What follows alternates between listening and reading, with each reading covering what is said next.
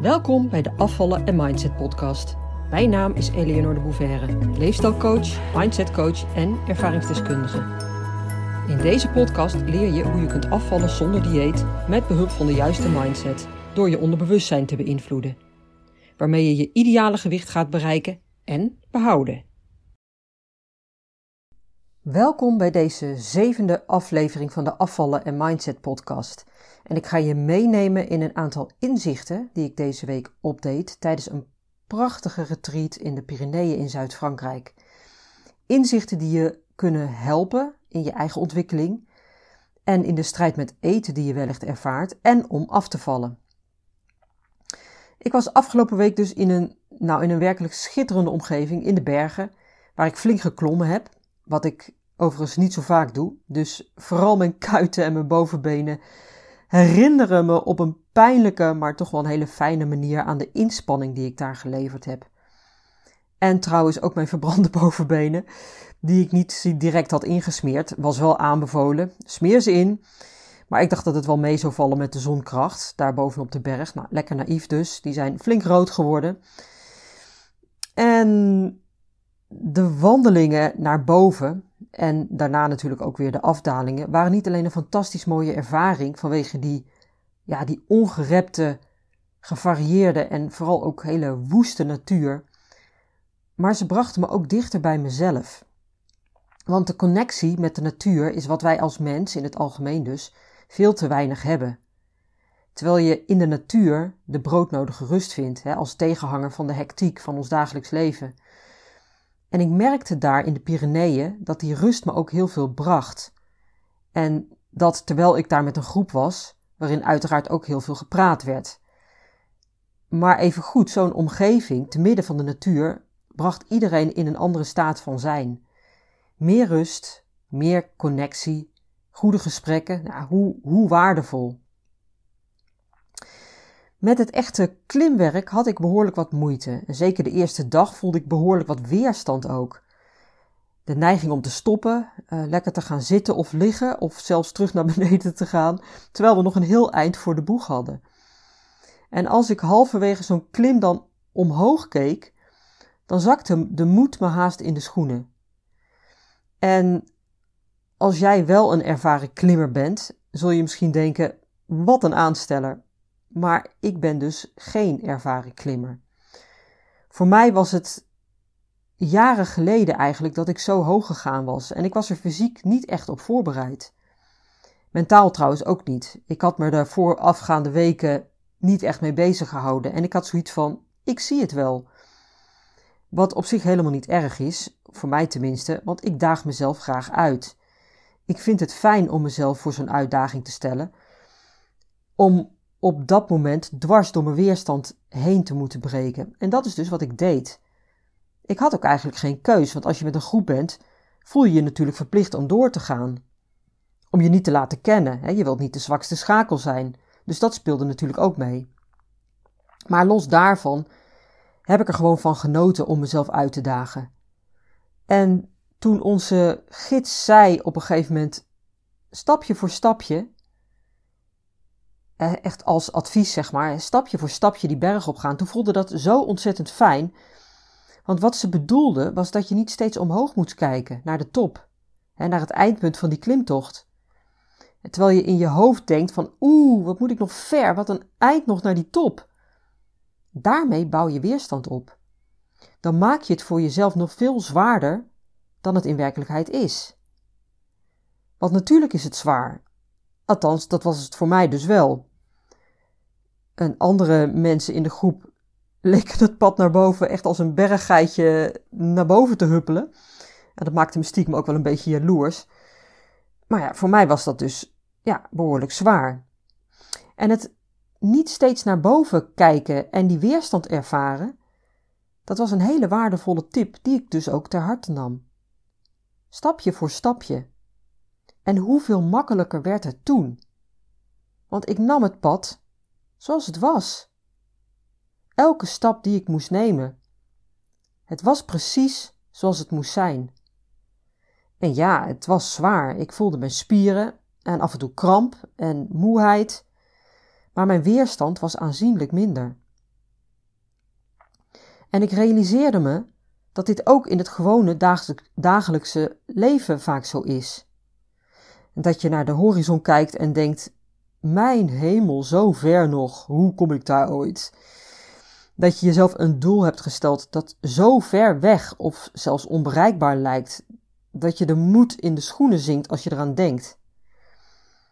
En dat het daardoor alleen maar onnodig nog zwaarder wordt. Want dan voel je die weerstand. Alles wat je ervoor moet doen of voor moet laten. De weerstand wordt dan zo groot dat je bijvoorbeeld al geneigd bent om op te geven. Het gaat je toch niet lukken, laat maar. Terwijl als je steeds één stap zou zetten en gewoon doet wat je moet doen, het dan zoveel eenvoudiger wordt. Ja, dan moet je natuurlijk wel de juiste dingen doen. En wat ik hiermee bedoel, is dus dat je, ja, dat je niet een soort stappenplan gaat volgen. Als het gaat om afvallen en een gezond gewicht bereiken, dat je dus niet een stappenplan moet gaan volgen à la dieet, waarin je door een ander laat vertellen wat je moet doen. Waarmee je alleen aan de oppervlakte loopt te rommelen door wat dingen aan te passen in je voeding. En jezelf gaat beperken met wat je wel en niet mag eten en wat meer gaat bewegen. En dat is veel te beperkt. Dat is dus niet wat ik bedoel. Waarmee ik niet zeg dat dat per se verkeerd is, maar realiseer je dat dat altijd maar van korte duur is. Dat beklijft niet. Je kunt niet verwachten dat je een fijn gewicht bereikt en je strijd met eten oplost en voor de rest van je leven slank blijft via een dieet of met regeltjes. En dat weet je zelf natuurlijk ook wel, want waarschijnlijk heb je dit al vaker ervaren. Wat ik bedoel met stapje voor stapje is gaandeweg steeds dingen aanpassen zonder al te veel te focussen op die eindstreep, die in het begin nog mijlen ver weg lijkt te zijn. En de juiste dingen doen, dat zijn de dingen die ook in mijn programma aan bod komen. Op de eerste plaats je onbewuste beperkende overtuigingen naar de oppervlakte brengen en gaan aanpakken. Gedachten die je al heel lang hebt, die je bent gaan geloven over jezelf, over je potentieel, over de wereld, noem maar op, die jou behoorlijk kunnen dwarsbomen in je verlangen en in het bereiken van je doel. Als je daaraan gaat werken en er helpende gedachten en overtuigingen voor in de plaats kunt zetten, dan leg je een hele stevige basis voor jezelf. Een basis waarop je kunt bouwen. Dan bouw je niet meer op drijfzand, hè, wat je voorheen met een dieet wel altijd deed. Want als je je realiseert dat je alleen maar wat regeltjes opvolgt, die niet eens van jou zijn, wat trucjes toepast door wat eetregels te volgen en jezelf restricties op te leggen, die je nooit vol kunt houden omdat je het op wilskracht doet, en dat je daardoor opnieuw een deuk in je zelfvertrouwen en in het geloof in jezelf oploopt, omdat het weer niet gelukt is, dan is dat natuurlijk eeuwig zonde. Want in dezelfde tijd dat je daar zoveel effort in hebt gestopt, had het ook anders gekund. Had je ook aan die stevige basis kunnen werken. Wat je veel en veel meer oplevert dan het lopen rommelen in de marge, waarmee je jezelf alleen maar verder naar beneden brengt. Wat ik ook bedoel met de juiste dingen doen, dat is wanneer je zo'n stevige basis hebt gelegd van helpende overtuigingen en te gaan werken aan je zelfbeeld en zelfliefde. En te gaan luisteren naar je lichaam, naar de signalen die het je geeft. Voortdurend. Als je in verbinding staat met je eigen lijf en ook de signalen van honger en verzadiging oppikt en serieus neemt en ernaar gaat leren handelen, maak je het voor jezelf nog veel makkelijker om dat einddoel te behalen. Zonder dat je er dus steeds op focust en denkt: poeh, wat is het zwaar. En dan nog een laatste punt dat ik wil benoemen in dit kader. dus wat valt onder de noemer de juiste dingen doen. Dat is het bewust worden van je gevoelens en emoties. Essentieel, want onbewust heb je waarschijnlijk eten gebruikt om je lekker te voelen. wanneer je je eenzaam voelt, of verdrietig, of moe of gestrest. Wat dus ook alles te maken heeft met mijn vorige punt: het niet echt luisteren naar je lichaam. Je at steeds om andere redenen dan honger. wat in feite onze natuurlijke staat is. je, van nature eten wij, of zouden we moeten eten, wanneer we honger hebben en stoppen als we verzadigd zijn. Dat is dus wat ik bedoel met onze natuurlijke staat. En als je dat niet doet, hè, dus als je dat heel vaak negeert, dus op een andere manier met eten omgaat, dan reageert je lijf daar natuurlijk op. Hè, en je raakt van je lichaam vervreemd. En je lichaam komt in verzet. Het wordt voller en voller. En het reageert dan ook nog eens met allerlei kwaaltjes. En ja, daar kun je eigenlijk op wachten. Als je er niet goed voor zorgt, zo is dat. En in feite zijn die kwaaltjes natuurlijk allemaal signalen. Hè? Die zijn er niet voor niks. Veel voorkomende klachten die klanten van mij hebben door hun overgewicht zijn um, gewrichtsklachten.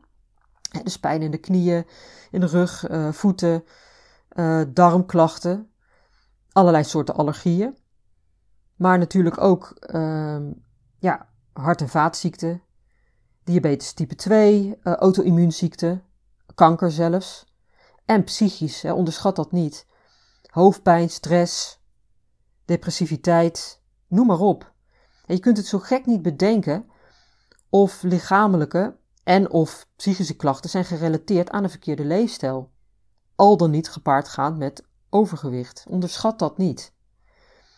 En wanneer je leert om op een gezonde, evenwichtige manier met je emoties en gevoelens om te gaan, heeft dat absoluut dus een direct effect op je gewicht. En dat leer ik je allemaal in mijn programma eh, Afvallen zonder dieet.nu. En dat is een totaal andere aanpak dan domweg wat voedingsadviezen of een opgelegd stappenplan volgen. In feite maak je in mijn programma je eigen stappenplan. Je gaat je eigen unieke leef- en eetpatroon ontwikkelen wat volledig bij jou past. Omdat jij een uniek persoon bent. Die veel meer verdient dan een oppervlakkig dieet, wat je uiteindelijk alleen maar verder van huis brengt. Er bestaat geen one size fits all, dus trap daar alsjeblieft niet in. Oké, terug naar mijn retreat in de Pyreneeën. Um, ja, het, het klimmen en het dalen in de bergen was, los van de pijn en de weerstand waar ik doorheen ging, ook een prachtige metafoor voor het leven zelf. We willen als mens vaak heel snel weg van de pijn. Ons primitieve brein is gericht op overleven en zoekt, onbewust natuurlijk, voortdurend naar plezier en genot. Pijn en ongemak gaan we vrijwel automatisch uit de weg. Dat willen we niet. En we willen het liefst altijd plezier hebben, het fijn hebben, geluk ervaren. Als iets pijn doet, moet het zo snel mogelijk weg. Terwijl in die pijn zo ontzettend veel te halen valt. Zo ontzettend veel te leren valt. In die pijn zit vaak de winst. Daarin zitten de lessen die jou verder brengen als mens.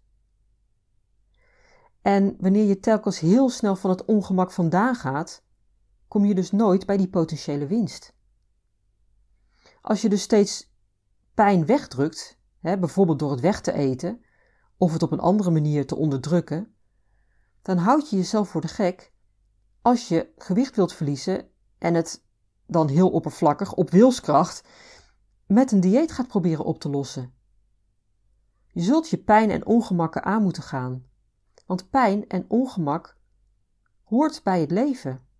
Just accept it. Leer ermee omgaan. En misschien denk je nu, ja, maar hoe dan? Ja, tuurlijk. Ik heb zelf heel veel pijnlijke dingen in mijn leven meegemaakt. En als ik daar nu aan terugdenk, voel ik nog steeds die pijn. Als ik denk aan alle jaren waarin ik een gigantische strijd met eten had, zodanig dat het mijn hele leven beheerste waarin totaal geen ruimte meer was voor andere dingen die een jonge meid van rond de 18 hoort te doen. Hè, zoals uitgaan, uh, het studentenleven verkennen, lekker chillen met leeftijdsgenoten. Als ik daaraan terugdenk, dan doet dat pijn. Maar wat heeft het voor zin om daarin te blijven hangen? Het brengt me totaal niks. Sterker nog, het houdt me alleen maar gevangen in het verleden. En ik wil niet terug, ik wil vooruit. En hetzelfde geldt uiteraard ook voor pijnlijke momenten, situaties of ervaringen in mijn huidige leven. ervoor wegvluchten is zinloos, want ze komen als een boemerang terug. Of in ieder geval de pijn dan. En juist door die situaties aan te gaan, ze te accepteren en me te realiseren dat ze er gewoon mogen zijn, maakt dat het zoveel lichter. En dan komen de fijne momenten weer des te sneller. En dat besef, dat voelde ik zo sterk daar in die bergen, waarin het voortdurend omhoog en omlaag gaan is. Er zijn geen toppen zonder dalen, geen euforie zonder ellende en soms hele diepe ellende en dat is oké. Maar hoe je ermee omgaat, dat is waar het om gaat. Niet in de weerstand, maar het accepteren en kijken naar je mogelijkheden. Oké, hoe ga ik hiermee om? En vooral, wat leer ik hiervan? Nog een leuke, waardevolle ervaring uit mijn retreat van afgelopen week. We gingen met een hele groep de grotten in, waar eeuwen en eeuwen geleden um, Kataren leefden. Nou, ik ga niet de geschiedenis van de Kataren um, behandelen hier, maar het was een hele bijzondere ervaring. Um, en nou, we hadden een gids die daar behoorlijk uitgebreid over vertelde. Zoveel zelfs dat de overload aan informatie me behoorlijk moe maakte. Maar dat terzijde. En wat ik vooral ook fantastisch vond, dat was het kruipen door die grotten. Doorgangen die soms zo smalletjes waren, dat je er doorheen moest kruipen, meters lang. En een paar keer zelfs over je buik, door het slijk, door de modder. En nu ben ik behoorlijk schoon aangelegd. In die zin dat ik normaal gesproken niet snel zoiets zou doen. Dus denk niet van, oh, dat, uh, die doet dat dagelijks. Nou, no way. Ik douche graag, ik houd van een schoon lijf en schone kleren. En door de modder kruipen is dus niet bepaald mijn hobby. Maar juist daarom was het zo waardevol, echt. Want ook hierin daagde ik mezelf uit. Die modder en mezelf daardoorheen trekken stond in feite symbool voor de moeilijke momenten in mijn leven. Alle hobbels die ik heb gehad en die ik nog op mijn pad ga tegenkomen. Want wat heeft het voor zin om die uit de weg te gaan? En het mooie is dat um, wanneer je er op die manier mee om leert gaan, je de weerstand al bij voorbaat elimineert. En hoeveel makkelijker gaat het dan? Ik voelde bijna geen weerstand toen ik zag wat me te doen stond daar in die smalle, pikkendonkere gangetjes, moet je je voorstellen. Gewoon er doorheen. Geen keus, niet moeilijk doen, gewoon gaan. En juist omdat ik er zo in stond, vond ik het heerlijk. Echt, ik genoot ervan. Want ik overwon op dat moment namelijk mezelf, mijn eigen weerstand en dat was zo bevrijdend. Nog één dingetje, één moment dat ik wil delen in dit kader.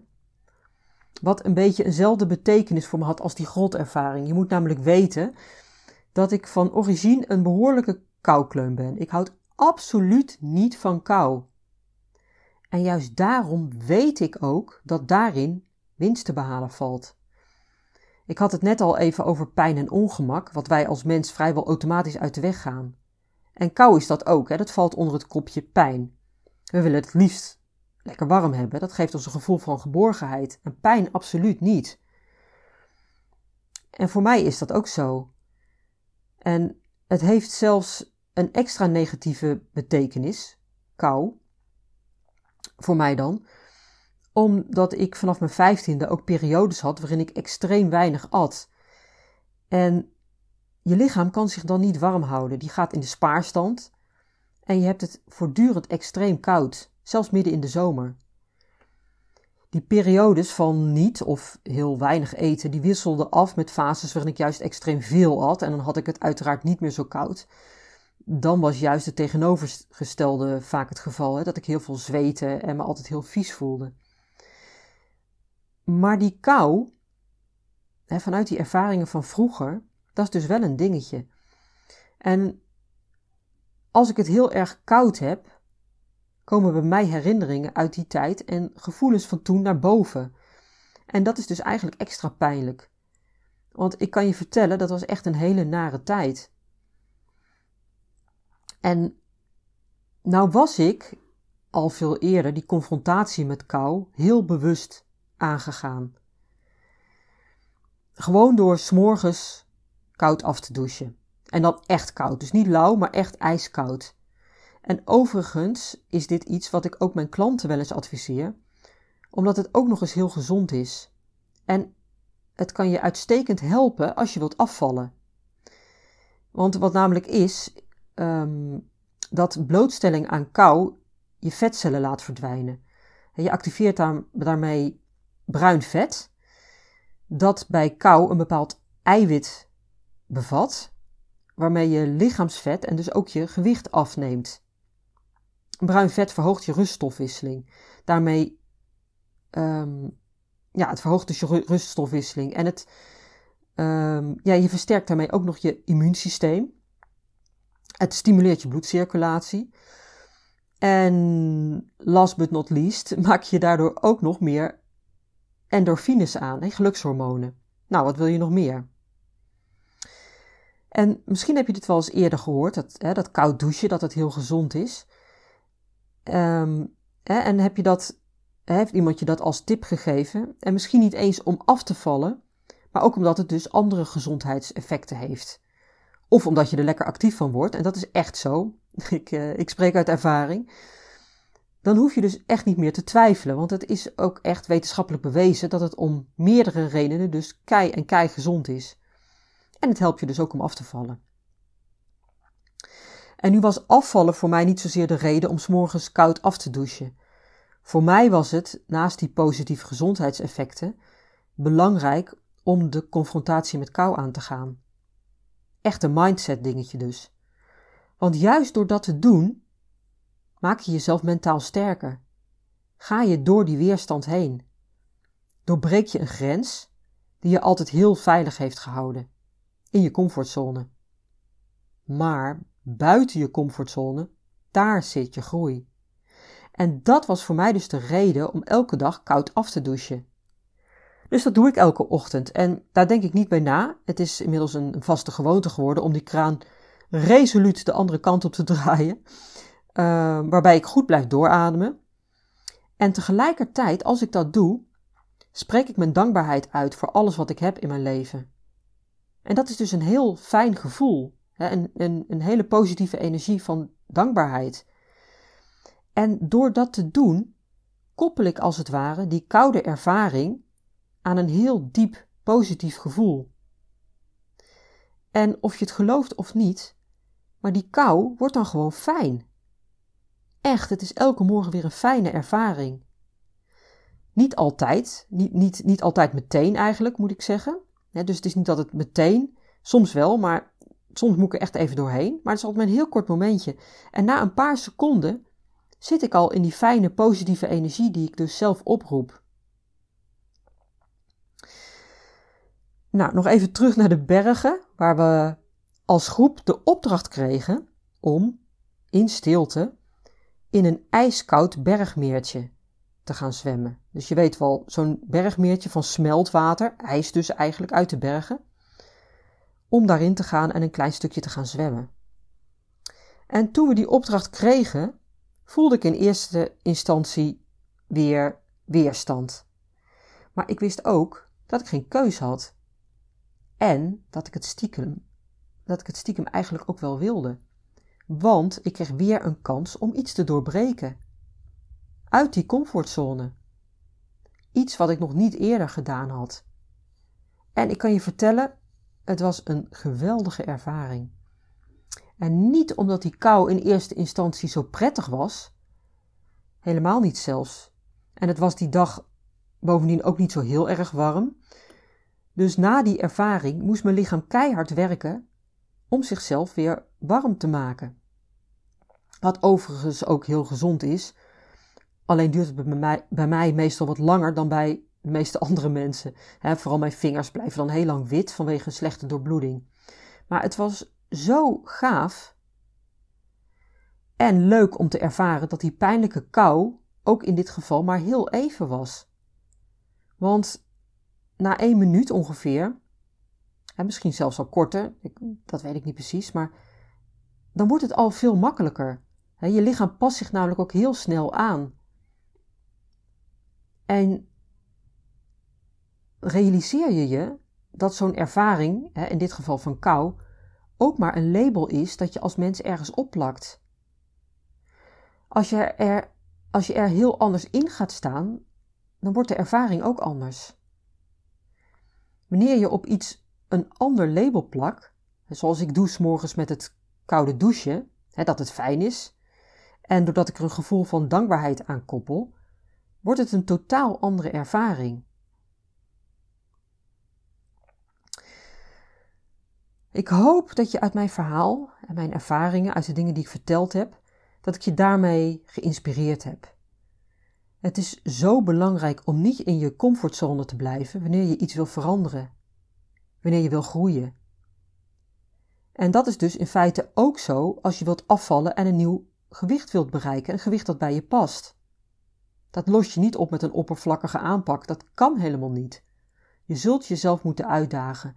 En daarmee bedoel ik dus niet dat je jezelf allerlei beperkingen gaat opleggen of jezelf uit gaat hongeren via een of ander crashdieet of met überhaupt een dieet. Dat is dus niet de oplossing. Het gaat om een stuk bewustwording. Om de keuzes die je maakt. Om niet weg te gaan van pijn en ongemak, maar om het juist aan te gaan. Om dwars door de weerstand die je wellicht ervaart heen te gaan. En je emoties en gevoelens aan te gaan en er niet voor weg te rennen. En wat je wellicht wel gewend was om te doen, hè, bijvoorbeeld door ze te dempen met eten. Het gaat om een stuk bewustwording en zelfconfrontatie en van daaruit de keuzes maken die jij echt diep vanuit jezelf wilt maken. Wie wil jij als mens zijn? Goed, ik laat het hierbij. Ik zou nog veel meer kunnen vertellen en dat komt nog wel. Genoeg stof nog voor alle podcasts die nog gaan komen. Maar voor nu, uh, nou, voor nu is het even genoeg. Dankjewel voor het luisteren. En mocht je een keer een gratis masterclass over mijn programma Afvallen zonder dieet.nu willen bijwonen, dan kan dat door je op te geven via mijn website. Um, afvallen zonder dieet.nu. Dus afvallen zonder dieet.nu. Daar vind je ook mijn gratis e-book waar je ook de nodige inzichten en tips uit kunt halen. Tot een volgende keer. Doeg! Leuk dat je luisterde naar de Afvallen en Mindset podcast. Ik wil je heel graag blijven inspireren. Als je je abonneert op deze podcast, ontvang je automatisch een berichtje als er een nieuwe aflevering verschijnt. Ik heb ook een gratis e-book. Dat vind je op www.afvallenzonderdieet.nu. Daar vind je trouwens ook mijn inspirerende blogs, die je automatisch in je mailbox kunt ontvangen. En tot slot, volg mij op Facebook en Instagram. Wil je meer weten over mijn programma Afvallen zonder dieet? Ga naar www.afvallenzonderdieet.nu.